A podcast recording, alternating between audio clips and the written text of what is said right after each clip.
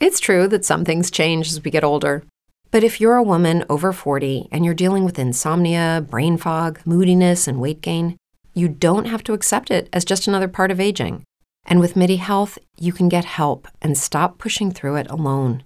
The experts at MIDI understand that all these symptoms can be connected to the hormonal changes that happen around menopause, and MIDI can help you feel more like yourself again. Many healthcare providers aren't trained to treat or even recognize menopause symptoms. MIDI clinicians are menopause experts. They're dedicated to providing safe, effective, FDA approved solutions for dozens of hormonal symptoms, not just hot flashes. Most importantly, they're covered by insurance. 91% of MIDI patients get relief from symptoms within just two months. You deserve to feel great. Book your virtual visit today at joinmidi.com. That's joinmidi.com. Hello, it is Ryan, and I was on a flight the other day playing one of my favorite social spin slot games on chumbacasino.com. I looked over the person sitting next to me, and you know what they were doing? They were also playing Chumba Casino. Coincidence? I think not. Everybody's loving having fun with it. Chumba Casino is home to hundreds of casino style games that you can play for free anytime, anywhere, even at 30,000 feet. So sign up now at chumbacasino.com to claim your free welcome bonus. That's chumbacasino.com and live the Chumba life. No purchase necessary. VGW Group. Void were prohibited by law. See terms and conditions. 18 plus. I mere end 100 år, der har børnestjerner underholdt med deres talenter, både herhjemme og i udlandet. I've thrown away my toys. Shirley Temple, hun var nok den største, der i før krigstiden lavede den ene film efter den anden. Så har vi Elsie Leslie, der var den allerførste barnestjerne. Hun var meget, meget stor på Broadway. Det var altså før øh, film og tv, det øh, kom til. Og herhjemme så har vi også, også haft en del. Vi har øh, blandt andet Jan Priskorn Schmidt, der jo spillet med i Min Søsters Børn-filmene. De originale, selvfølgelig. De søsters børn, vi bliver vel nok en med Øh, så har vi Ole Neumann, der vandt alle, alles hjerter som lille Per. Og vi husker nok alle sammen dengang Ras, han kickflippede sig ind i vores hjerter. Idoldyrkelsen af børnestjerner er helt sikkert ikke forbi, men det er langt fra alle, der kommer rosenrødt ud på den anden side, når stjernestatusen begynder at falme. En af dem, der ramte jorden hårdere end nogen anden, var Lindsay Lohan, og nu dykker vi ned i hendes fald fra stjernerne.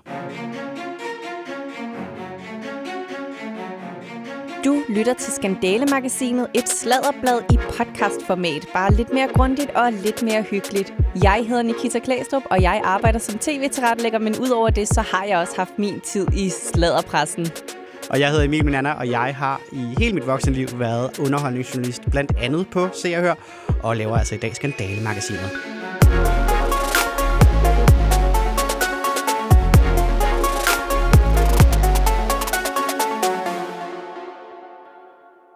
Jeg er så glad for, at vi skal tale om Lindsay Lohan. Hvorfor jeg, er det? Fordi jeg elsker Lindsay Lohan. Jamen, hun er også... Øh, Altså, hun, jeg er, kan bare huske at have set forældrefælden, da jeg var lille, og jeg vil være Lindsay Lohan. Jeg vil komme på en eller anden sommerlejr og møde min long lost twin, som er- lever et eller andet posh liv i London. Forældrefælden er jo den her amerikanske familiefilm, hvor Lindsay Lohan spiller øh, to roller, nemlig øh, begge dele af et sæt tvillingepiger. Jeg har ikke været særlig gammel. Den kom jo ud sådan i 90'erne-ish. Er det 97 eller noget den stil? 97, 98. Lindsay, hun var i hvert fald 11 år gammel på det tidspunkt, Ja. så hun har jo ikke været særlig gammel. Og jeg var nemlig heller ikke særlig gammel, så jeg har jo nok set den sådan på videobånd, som man havde dengang. Sådan der i startnullerne, hvor at jeg var, var oppe i en alder, hvor jeg kunne forstå det. Måske da jeg var sådan syv-ish. Ja. Og nu skal vi altså høre, hvordan Lindsay hun kom både til forældrefælden og til den stjernestatus, som hun så fik efterfølgende.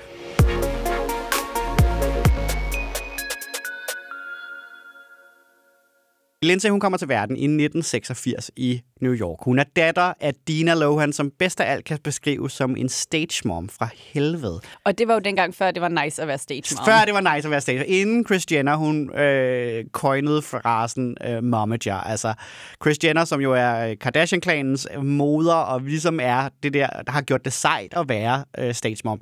Øh, Dina Lohan, hun øh, var mere dem der, man ser på Toddlers and Tiaras, som er stage moms, der virkelig er out there, og Toddlers and Tiaras er det her fantastiske TLC-program. Jeg elsker det. Ja. Alle de her bitte små sådan, treårige, der får sminke på og får sådan nogle falske tænder sat op, fordi de er ved at sådan, Ja, miste præcis. deres tænder Altså, og der er intet bedre end en fireårig, der render rundt klædt ud som Dolly Parton. Altså, det er jo Nej, der var på et fantastiske tidspunkt øjeblikke. også, jeg tror det var en 4-5-årig klædt ud som øh, Julia Roberts fra Pretty Woman, fra hendes Streetwalker Days i den der hvide og blå kjole. Det her er et sidespor, men fantastisk program. Alle burde se det. nemlig. Men altså, Dina Lohan, stage mom for helvede, og så har Lindsay Lohan en far, der hedder Michael Lohan, som heller ikke er et af Guds bedste børn.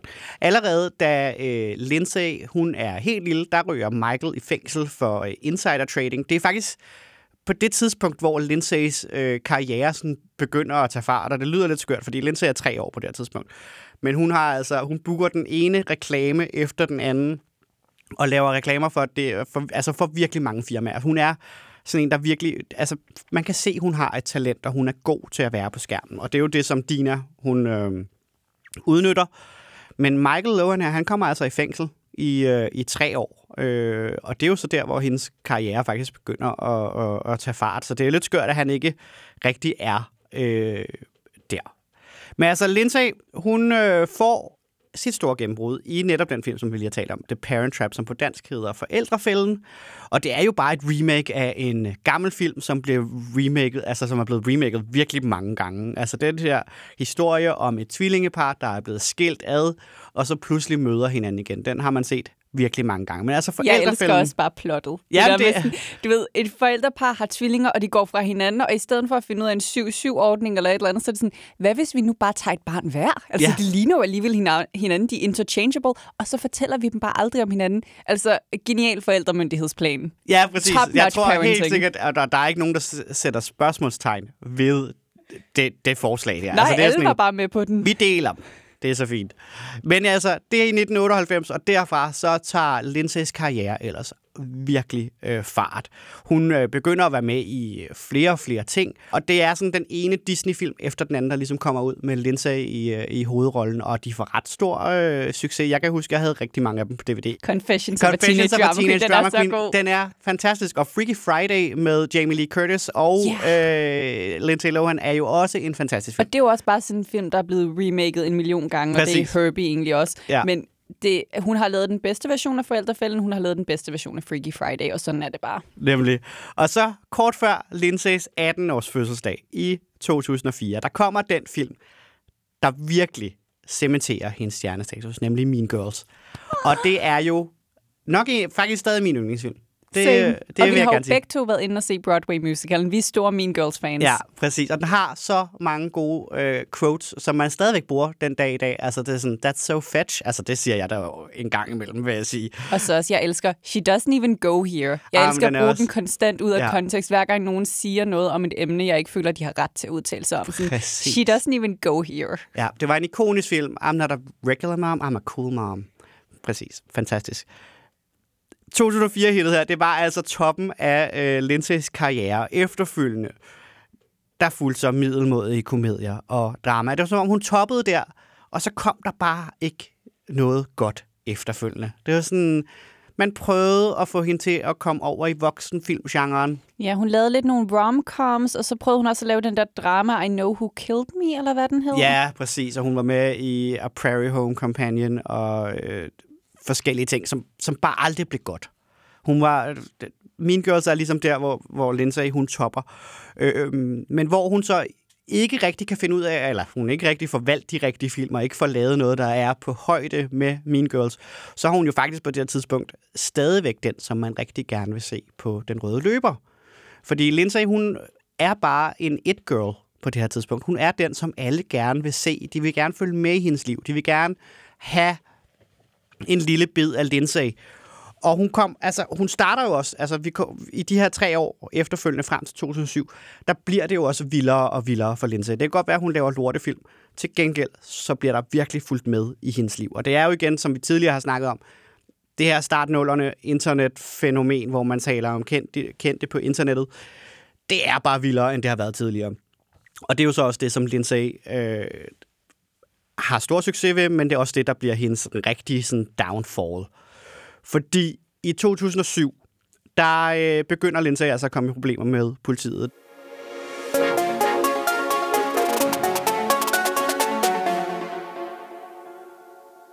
Nikita, jeg har taget et øh, mugshot med. Det er øh, Lindsay Lohans allerførste mugshot. Men kan du ikke lige beskrive det?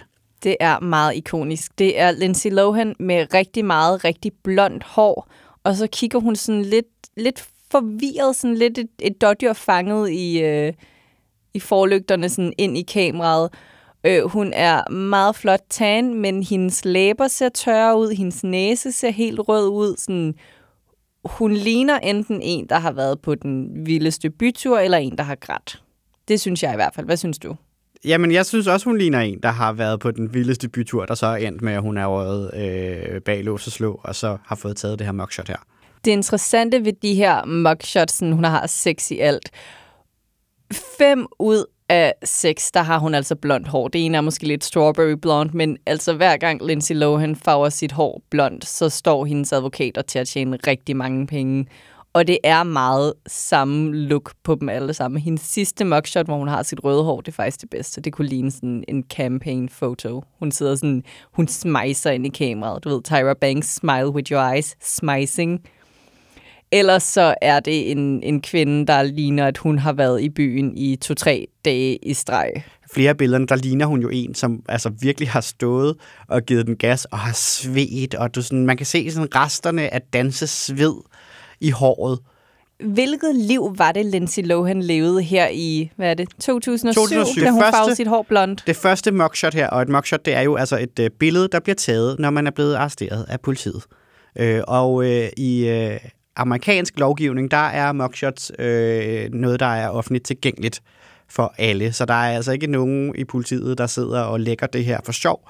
Det er nogle ting, som rent faktisk øh, er offentligt tilgængeligt. Så, så hvis du får taget et mugshot i USA, så kan alle gå ind og, og finde det. Øh, men ja, Lindsay, hun lever jo på det her tidspunkt altså det vildeste partyliv. Altså hun er øh, en, der går til fester og er på de røde løbere og øh, bliver jagtet af øh, pressen, fordi hun jo er øh, den her party it girl. Øh, og hendes allerførste mugshot er jo det, der er taget der i foråret 2007, hvor hun bliver anholdt for øh, det, der hedder driving under the influence, altså drunk driving, hvor at der jo både var noget alkohol og formentlig også noget kokain involveret. Og som om det ikke er nok, der går kun to-tre måneder, så, ry- så bliver hun taget endnu en gang for en DUI. Øh, så hun lærte det altså ikke første gang. Det var sådan en, nå ja, den der ene gang med politiet, det skete bare allerede et par måneder senere. Og det gør jo så, at Lindsay, hun kommer for en dommer, og hun bliver idømt. Den gode dom er en dags fængsel. Øh, og som rigtig mange Hollywood-stjerner, så øh, kommer hun jo i fængsel, som man jo gør. Men hun kommer ikke til at være der så længe. Hun er der 84 minutter. Hun, Lindsay, hun er kommer ind. tid end Paris. Ja, præcis. Lindsay, hun kommer ind, melder sig og siger, hey, jeg skal i fængsel. Og de siger, fedt, kom og sid her. Hun får den altså, fangedragt på, og det ene og det andet. Og så i fængsel i 84 minutter. Fordi der er øh, simpelthen for mange øh, indsatte i det fængsel der. Og fordi Lindsay, Og så var det lige Lindsay, der blev løsladt Præcis, og fordi Lindsay, hun opfører sig ordentligt, i så 84 bliver hun minutter. løsladt før tid. Ja, det er helt skørt. Det er som om, hun bare ikke rigtig fatter noget, fordi hun bliver ved med at have problemer med øh, lovens øh, lange, lange arm. I øh, 2010, der er det stadig resterne fra dommen i 2007, der sådan ligesom spørger, fordi ja, udover at Lindsay jo var i fængsel i 84 minutter, så har hun altså også været på prøvetid. Så der er nogle, nogle retningslinjer, hun ligesom skal, øh, skal overholde for at øh, stadigvæk holde sig ude af fængsel. Er der ikke blandt andet, at hun skal have sådan et ankle bracelet på? Præcis, og hun skal udføre noget samfundstjeneste, og der er nogle forskellige ting. Hun må i hvert fald ikke, ikke drikke. Hun må ikke drikke, nej. Hun må ikke, heller ikke tage stoffer. Men Der det må man sådan ikke, når man er på Der er et ikonisk billede af Lindsay Lohan, der står i en bikini og høje hæle, og så med den her ankle bracelet, som jo bare er sådan en lille sort kasse rundt om hendes mm. ankel. Det ser super classy ud. Det er et fantastisk billede. Jeg tror jo personligt, at øh, Prada havde en øh, kollektion her sidste år, tror jeg det var, hvor at de netop havde sådan nogle små tasker på anklerne af deres støvler, og jeg vælger at tro, at de var inspireret af Lindsay Lohan. Ja, og det, det tror du helt ret. Og det er jo bare desværre sådan, at Lindsay kan ikke finde ud af at overholde det her øh, retningslinjer, der er for den her prøvetid. Altså den 6. juli 2010, der bliver hun idømt 90 dages fængsel. Og dem skal hun altså allerede ind og afzone samme måned. Der er ingen øh, kære mor her. Lindsay, hun skal i fængsel. Så den 20. juli, der ryger hun bag trammer. Men, surprise, surprise, bliver hun 90 dage bag trammer? Nej, det gør hun Hvor ikke. mange minutter bliver det til? Fortæl os det. Jamen, det, bliver til, det bliver faktisk til dage den her gang. Hun ender med at være i fængsel i øh, 14 dage. Så ud af de 90 dage, så tager hun 14. Og bliver så løsladt for øh, god opførsel og igen på grund af pladsmangel. Så det er simpelthen Lindsay, der bliver... Hver gang der er pladsmangel, så man lige kigge ned, er Lindsay Lohan her. Hende kan vi godt tage ud. Det er Hun så heldigt for hende, og meget uheldigt for de sorte kvinder, som sidder inden for non-violent drug offenses, som at have en lille bitte smule gram hash på sig. Ja. Men øh, godt at være Lindsay. Præcis. Lindsay løsladt hver gang. Men altså, hun bliver ikke løsladt til frihed den her gang. Hun bliver kørt direkte på en afvendingsklinik. Øh, og her der tilbringer hun så 23 dage. Hvilken slags afvendingsklinik? Det er for alkohol og stoffer. Nej, nej, jeg snakker. Nå. Er det sådan en LA-afvendingsklinik med en pool og room service? Det er vist øh, en kort mandated øh, afvendingsklinik. Åh, så det er så det er ikke en lækker en. Der kommer hun senere. Hun kommer på den lækre senere, men det her det er en øh, kort mandated øh, afvendingsklinik. Der er jo nogle gange, hvor de der stjerner er ude og sige sådan, nej, men nu går jeg på afvending, hvad det for stoffer, alkohol, eller som Army Hammer, som vi talte om i første sæson, for øh, seksuelle ting og nogle adfærdsproblemer. Så er det lidt sådan, du tager jo bare på et retreat. Du skal jo bare på ferie nu. Præcis. Du skal på en lækre ferie, end jeg har været på hele mit liv. Men, nem, nemlig, altså det er, og der, der kommer hun hen senere. Og det er faktisk der, vi er på vej hen nu, fordi 23 dage på det her kortmandate afvendingsklinik. Lindsay, hun bliver løsladt i starten af september 2010. Og i midten af september 2010, der bliver hun simpelthen nødt til at krybe til korset og gå på Twitter og sige, det er rigtigt nok, jeg er faldet igen. Jeg er simpelthen kommet til at bryde øh, den her prøvetid tid endnu en gang. Fordi hun åbenbart ikke har lært lektion første gang. Så øh, derfor så vælger hun altså endnu en gang at øh, tjekke ind på en afvendingsklinik. Og den her gang, der er det Betty Ford-klinikken, som jo er en af dem der med lækker pool og lækkert øh, øh, alt muligt. Altså, der er room service og sådan noget. Det er den gode afvendingsklinik. Og man kan jo så håbe på, at hun kan øh, holde sig ude af problemer. I hvert fald så bliver hun der helt ind til 3. januar. Og hvorfor er 3. januar vigtig her? Det er, fordi 3. januar, det er den dato, hvor dommeren i hendes øh, tidligere sager har sagt, du skal holde dig ude af problemer indtil 3. januar. Så hvis man ligesom gerne vil holde sig ude af problemer, hvad er det så det smarteste at blive låst inde på sådan et luksus øh, afvendingsklinik og ikke, ikke kunne gøre noget? Altså simpelthen er ikke være i nærheden af fristelser. Så der er hun ind til 3. januar. Og det er måske fordi, hun har lyst, men måske mest af alt fordi, hun bare gerne vil holde sig ude af problemer, og det her det er den smarteste måde at gøre det på. Spørgsmålet er så, om Lindsay kan holde sig ud af problemer, og det kan hun jo selvfølgelig ikke. Altså, det er helt skørt. Man skulle tro, at hun kan finde ud af det men hun blev, kommer ud af Betty Ford 3. januar. 23. januar øh, vælger hun simpelthen så at stjæle en 15.000 kroner dyr øh, halskæde fra en øh, butik i Venice Beach, der hvor hun ligesom har valgt at sige, at jeg skal bo i Venice Beach, når jeg kommer ud af det her, den her afvending her. Så der stjæler hun altså lige en halskæde.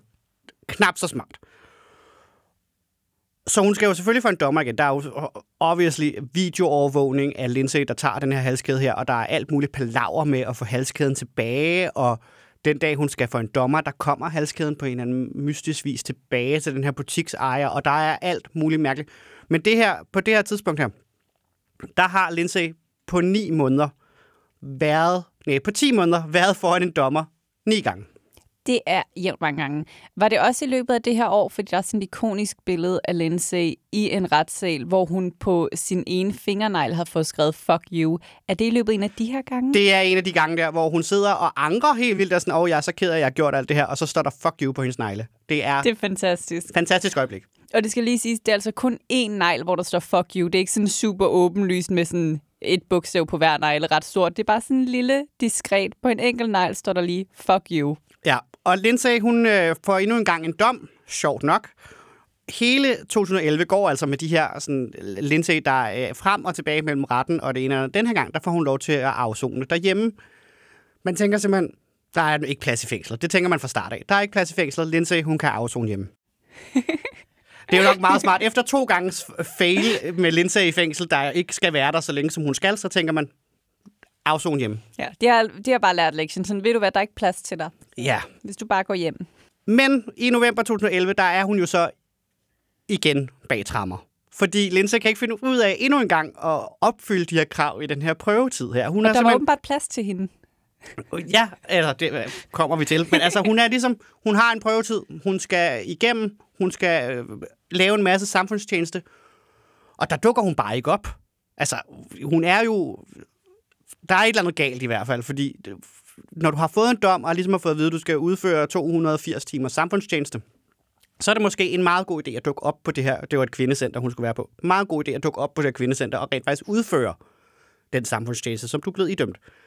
Men det kan hun jo så ikke finde ud af. Så i november 2011, så ryger hun altså i fængsel igen. I fem timer. Fordi der ikke var plads. Fantastisk. Ja. Altså, Lindsay, hun er simpelthen... Jamen, der må være en eller anden lykkenskud inde, der sidder og kigger ned på Lindsay Lohan, hver gang Lindsay skal i fængsel, og bare sådan sørge for at fylde fængslet op med andre indsatte, så Lindsay, hun kan blive løsladt. Det var sådan, ej Lindsay, nu kommer du lige rush hour igen. Ja, nemlig. Det er sådan, ej, åh, lige der, da der var allerflest mennesker øh, bag trammer. Det er fandme ærgerligt. Vi må løslade dig. Så ja, fem timer bag trammer bliver denne gang. Og det her, det er så sidste gang, at Lindsay, hun er bag trammer. Så det er ligesom en, to, tre gange, hvor hun er blevet løsladt før tid, og der er noget ankle bracelet og øh, alt muligt. Men nu begynder det altså at se øh, ret lyst ud, for i december 2011, der begynder Lindsay at få positiv feedback, både fra de steder, hvor hun udfører samfundstjeneste, og fra øh, den dommer, der ligesom har været på de her sager her. Og der begynder ligesom at være... Øh, det begynder at se lyst ud. Hvad bliver der sagt? Lindsay. Bare sådan, Lindsay er sød og hårdt arbejde. Ja, præcis. Hun gør sine ting. Hun skal ud over, at hun har været på et kvindecenter, så skal hun også være på øh, The Morgue, som ligesom er øh, øh, retsmedicineren øh, i øh, det, det amt, hun ligesom er i fængsel. Der er ligesom Kan man der, få der kommer- samfundstjeneste der? Det kan man. Lindsay har sikkert stået og været med til nogle lig, der er blevet kørt ind og sådan noget. Nej. Jo, jo, jo. Nej, Der jeg troede, Lindsay- samfundstjeneste var sådan noget med, ja, kvindecenter og øh, suppekøkkener og samle skrald op off the highway og sådan Jamen, noget. jeg tror, i USA, der kan du få samfundstjeneste i alle steder, der ligesom har en eller anden øh, statslig funktion, eller en, en, som er noget, som, hvor der er nogen staten, der betaler nogle ting. Så Lindsay har været på øh, ret, hos retsmedicineren. Nå, spændende. Det vidste jeg faktisk ikke. Der begynder at være positiv feedback, og der sker... Lindsay er stort set ude af problemer. Lindsay er blevet god, eller er blevet klogere, eller har afvendingsklinikker har hjulpet. Et eller andet er sket i hvert fald. For vi kommer frem til 2015, og det er første gang i otte år, at Lindsay ikke er på prøvetid. Men det er alligevel otte år, hvor at øh, paparazzi og pressen og alle ligesom har fulgt med i, hvad laver Lindsay af lort nu.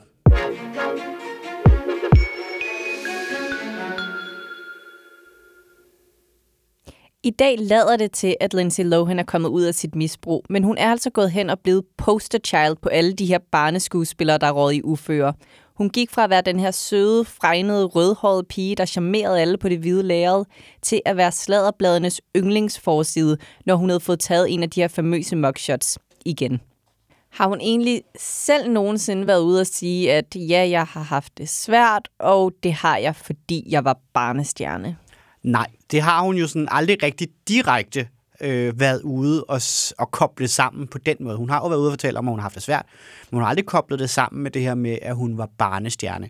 Men når man kigger på de her store interviews, som hun har lavet, blandt andet det interview, hun har lavet med Oprah Winfrey, så kan man også godt se, at Lindsay, hun er en, der er øh, virkelig øh, medievant og trænet i at snakke med medierne, fordi hun giver faktisk ikke særlig meget af sig selv. Det kan godt være, hun sidder i en halv time og taler ud, men det er ikke, fordi hun giver vildt mange personlige detaljer om noget som helst, så hun kobler det faktisk aldrig rigtig sammen med det der øh, barnestjerne, at det er det, der har ført hende ned af den vej, hun ligesom kommer ned af.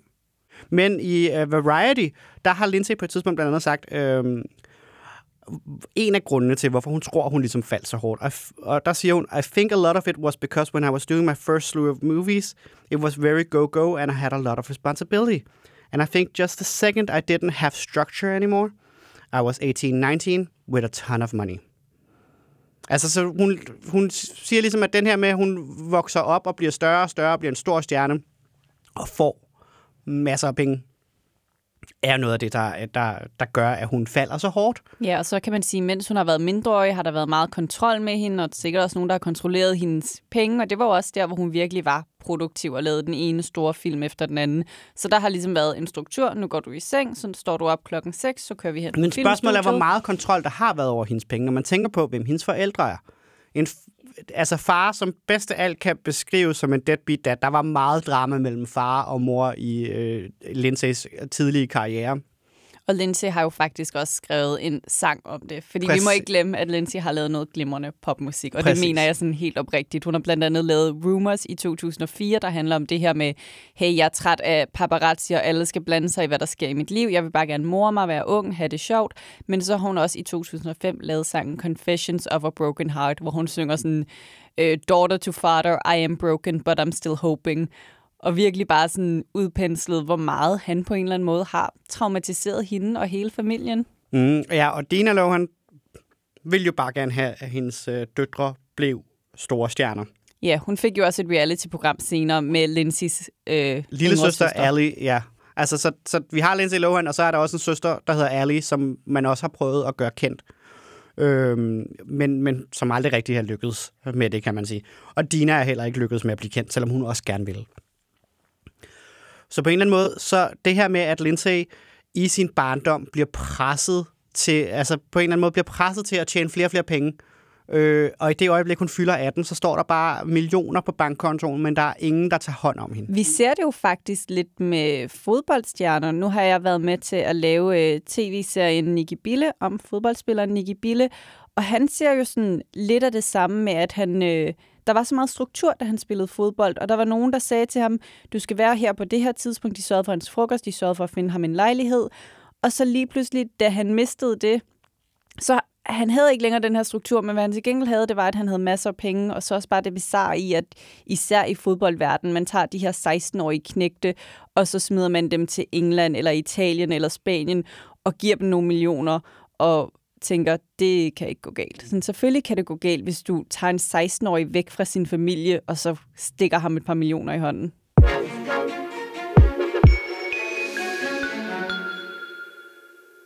Og vi ser dem jo igen og igen. Vi har en lang liste af børnestjerner, der på den ene eller anden måde er øh, faldet fra den her stjernehimmel. Og der kan jo bare nævnes nogle.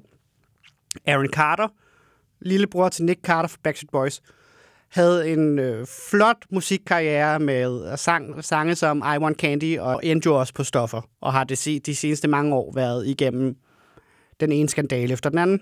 Ja, jeg tror, nu laver han vist primært OnlyFans. Det er sådan det, han bruger sin Ja, det er der, på. man ender, åbenbart. Og har i øvrigt stadig kæmpe fejde med storebror Nick, og øh, bliver ved med at komme med Twitter-rants om, hvor øh, forfærdeligt et menneske han er. Der er jo, altså vi har set Justin Bieber, Amanda Bynes, øh, Demi Lovato, alle sammen øh, folk, der er kommet til, øh, blevet store stjerner i løbet af deres øh, barndom, og så sidenhen er kommet i øh, run-in med stoffer, ligesom, øh, ligesom Lindsay Lohan. Så har vi øh, stjerner som øh, Miley Cyrus, Britney Spears, øh, Macaulay Culkin, som også på den ene eller anden måde har haft øh, problemer med øh, det her image, de har fået på øh, som børn. Øh, Britney, hun startede jo i øh, det, der hedder Mickey Mouse, Club på Disney. Macaulay Culkin var øh, alene hjemme, øh, stjernen, der også altså, virkelig braget ud øh, på verdensscenen. Og Miley Cyrus var jo også Disney-stjerne, som jo også bare blev presset ud. Og det var jo hende, hun lavede jo også på et tidspunkt det der helt store, sådan, nu skal der stoffer og øh, alkohol, og jeg skal væk fra det her image her. Ja, der var også sådan en som Drew Barrymore, som blev rigtig kendt i E.T., da hun var tre, tror jeg, øh, som begyndte at drikke alkohol i en alder af 11. Nej, nej, jeg begyndte at drikke alkohol i en alder af syv, røg på afvænding første gang i en alder af 11. Ah, det var sådan, det ja, var. præcis. Det, altså, Det gør det værre. Det, det gør det nemlig værre. Men hun endte jo også med at blive øh, officielt skilt fra sine forældre, da hun var 14. Ja. Ja. Øh, fordi forældrene igen var nogen, som pressede for meget på, ikke? og ikke var særlig gode forældre. Og det er jo svært at sige, om det er deres stjernestatus, dårlige forældre eller noget helt tredje, der gør, at nogle af de her børnekendiser er endt i et misbrug. Men nogle af dem har altså selv udtalt sig om de oplevelser, de havde som børnestjerner, som påvirkede dem senere i livet. Ja, og vi nævnte jo altså ham her, øh, Jan Priskorn Schmidt, som jo spillede Ole i Far til fire-filmene tilbage i 60'erne. Han har jo altså udgivet en øh, selvbiografi, hvor han også beskriver nogle af de her ting her. Og han beskriver blandt andet, hvordan Blob, hvis I husker Blob, den lille øh, den yngste i familien, som er det her lille søde barn. Lille Øh, Blob, nu skal du sove, præcis. nu begynder alt det sjove. Jeg skal nok lade være med at sige Ja, ja, helt nemlig. færdig. Men, men, men seriøst, altså lille søde Blob, toårigt barn, der er en scene i en af filmene, øh, og det her, det er altså beskrevet i den her selvbiografi her. Men der er en scene i en af filmene, hvor at Blob, han skal sidde at have forvildet sig ud i trafikken. Øh, farligt, øh, som det jo er. Bilerne suser på begge sider, men hvordan gør man, når man har en toårig, øh, der på den her måde skal placeres i trafikken?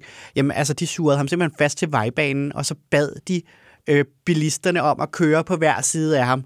Det må være stressende. Det må da være ikke bare stressende, men altså øh, traumatisk for et toårigt barn at sidde der, mens bilerne suser omkring øh, ørerne på ham, uden forældre, uden, altså ikke nogen, der passer på ham. Det altså, lyder sindssygt jo. Men altså, og når vi så snakker om det her med, at forældre øh, har noget at sige i det her også, så fortæller Jan Priskorn Schmidt jo, han har jo nærmest samme historie som Lindsay Lohan. Øh, han har en mor, der helt vildt gerne vil være balletdanser, men blev vraget til den kongelige ballet, og derfor tænkte, at hendes stjernedrømme skulle udleves igennem sønnen. Og det bliver de jo så også, og øh, Jan Prisgaard Schmidt, han forklarer jo i sin øh, selvbiografi også, hvordan det her stjernestatus får ham ned i noget, der ligner en øh, depression, og øh, det bliver først godt igen, da han simpelthen dropper karrieren, og derudover ryger ud i et misbrug af både alkohol og hash, så øh, det bliver aldrig sådan helt voldsomt, men manden, han ja, kommer ud i et misbrug og får det først bedre det øjeblik, han stopper med at lave film. Det er jo lidt, lidt skræmmende. Men der har jo også været de andre ting. Altså, kigger man på sådan en som øh, Judy Garland, der i 1939 var stjernen i The Wizard of Oz, hvor hun angiveligt skulle have fået de her pep pills, der blandt andet består af amfetamin, for at man kan holde hende i gang, så vi rigtig kan få udnyttet, at vi har hende på sæt, og kan få så mange optagelser i kassen som Ja, ja, muligt så på kortest tid. En sovepille, når man var færdig med hende, og endnu en peppille, når hun skulle op igen. Ja, altså, det er jo en industri, der øh, på, øh, virkelig har formået at udnytte øh, deres øh, skuespillere, og selvfølgelig nok ikke kun børnene, men nok faktisk bare alle, der har været involveret i det her, simpelthen for, at man skulle få så meget øh, i kassen så hurtigt øh, som muligt, uden at man skulle tænke over øh, pauser og øh, energiniveau, og hvad der nu ellers skulle være. Øh, Jeg tror også, at jeg læste, at Judy Garland blev opfordret til at ryge, så hun ligesom kunne øh, forblive ret lille det lyder øh, fuldstændig som noget, som Hollywood tilbage der i øh, 30'erne kunne finde på. Ja, jeg er virkelig ikke sikker på, det er rigtigt, så folk må lige faktatjekke. Jeg smider det bare ud i Ja, universet. Måske Men jeg det tror rigtigt. i øvrigt, at tiden i dag, det er en anden i forhold til, da de her ting, de foregik. Og også i forhold til for 25 år siden, da Lindsay Lohan, hun var en børnestjerne. Fordi der i dag er større fokus på, at man skal passe på sine børnestjerner. Herhjemme for eksempel, der er arbejdstilsynet, de har nogle retningslinjer for, hvordan du skal øh, agere som virksomhed, hvis du arbejder med børneskuespillere. Øh, jeg ved, DR, de bruger også, øh, de har voksne ansat, der ligesom bare er der til at passe på de her børn her, og sørge for, at de har det godt. Der er jo retningslinjer for, hvor længe de må arbejde, hvilket der jo heller ikke var. Men der, hvor jeg har et problem med det, det er, hvor vi har set, at der ligesom har været øh, et opgør med for eksempel MeToo, hvor man ligesom har set, okay, Kevin Spacey-film, dem kan vi ikke se længere. Vi kan ikke øh, gøre de her ting. Vi kan ikke... Øh, alle dem, som Du har... skal ikke til at foreslå, at vi ikke må se forældrefælden, vel? Jo, Nej! jeg skal til at foreslå, at de film, hvor der er brugt børn, der ikke er blevet behandlet ordentligt, dem kan vi da ikke, dem kan vi da ikke med god samvittighed se. Du kan da ikke sidde og se E.T. og vide, at Drew Barrymore Jeg ser da ud. heller ikke E.T. Jeg ser forældrefælden. Jamen, for, du, kan ikke, du kan da ikke sidde og se E.T. og se, vide, at Drew Barrymore røg ud i et så kraftigt misbrug efterfølgende, øh, fordi hun kom ind i en eller anden Hollywood-verden. Jeg synes godt, at man kunne, sige, man kunne sætte sig ned og kigge på det her og sige, kan vi stadig se The Wizard of Oz? Kan vi stadig se E.T.? Kan vi stadig se Forældrefælden? Hvor vi ved, at der er nogle børn, der er blevet presset ud i noget, som, som måske ikke er særlig godt. Og herhjemme har vi også haft det. Vi havde... Øh, I 2018 kom der dokumentaren øh, De misbrugte filmbørn, øh, som jo, hvor der var 40 tidligere børneskuespillere herhjemme, der stod frem og fortalte om øh, horrible ting, der var sket i produktionen af de forskellige øh, danske film. Det, altså, come on. Der må simpelthen være nogen, der sætter sig ned og siger, vi kan ikke se de her ting længere. Jeg ser ikke gamle danske film. Altså, jeg bytter der alle de gamle danske film og E.T., hvis jeg kan få lov til at se forældrefælden. Du må ikke se forældrefælden længere.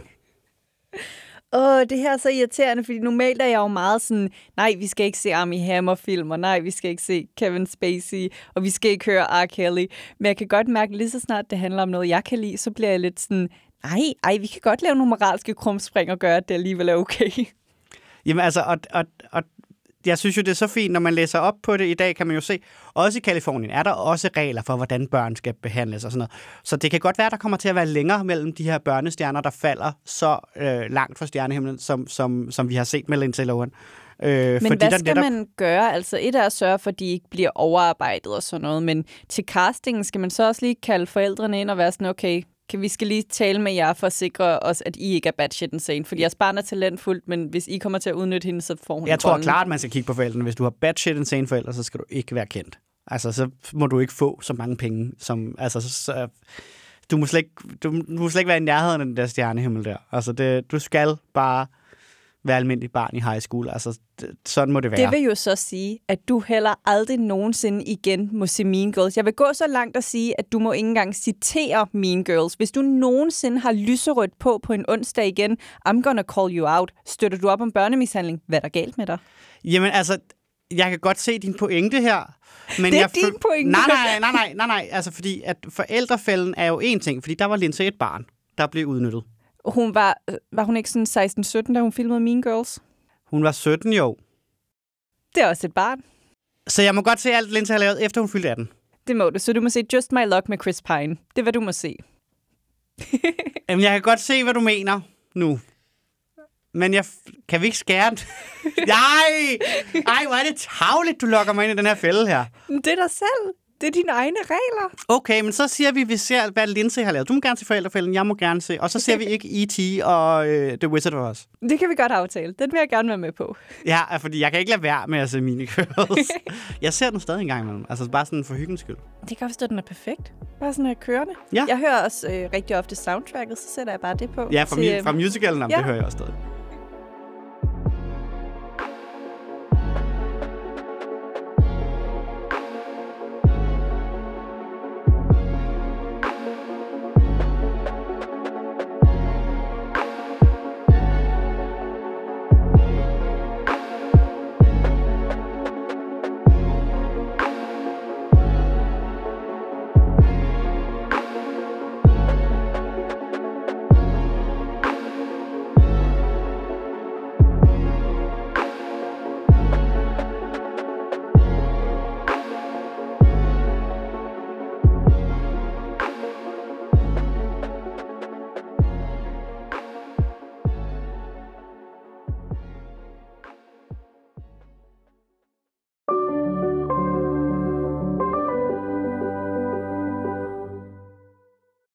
Lucky Land slots, you can get lucky just about anywhere.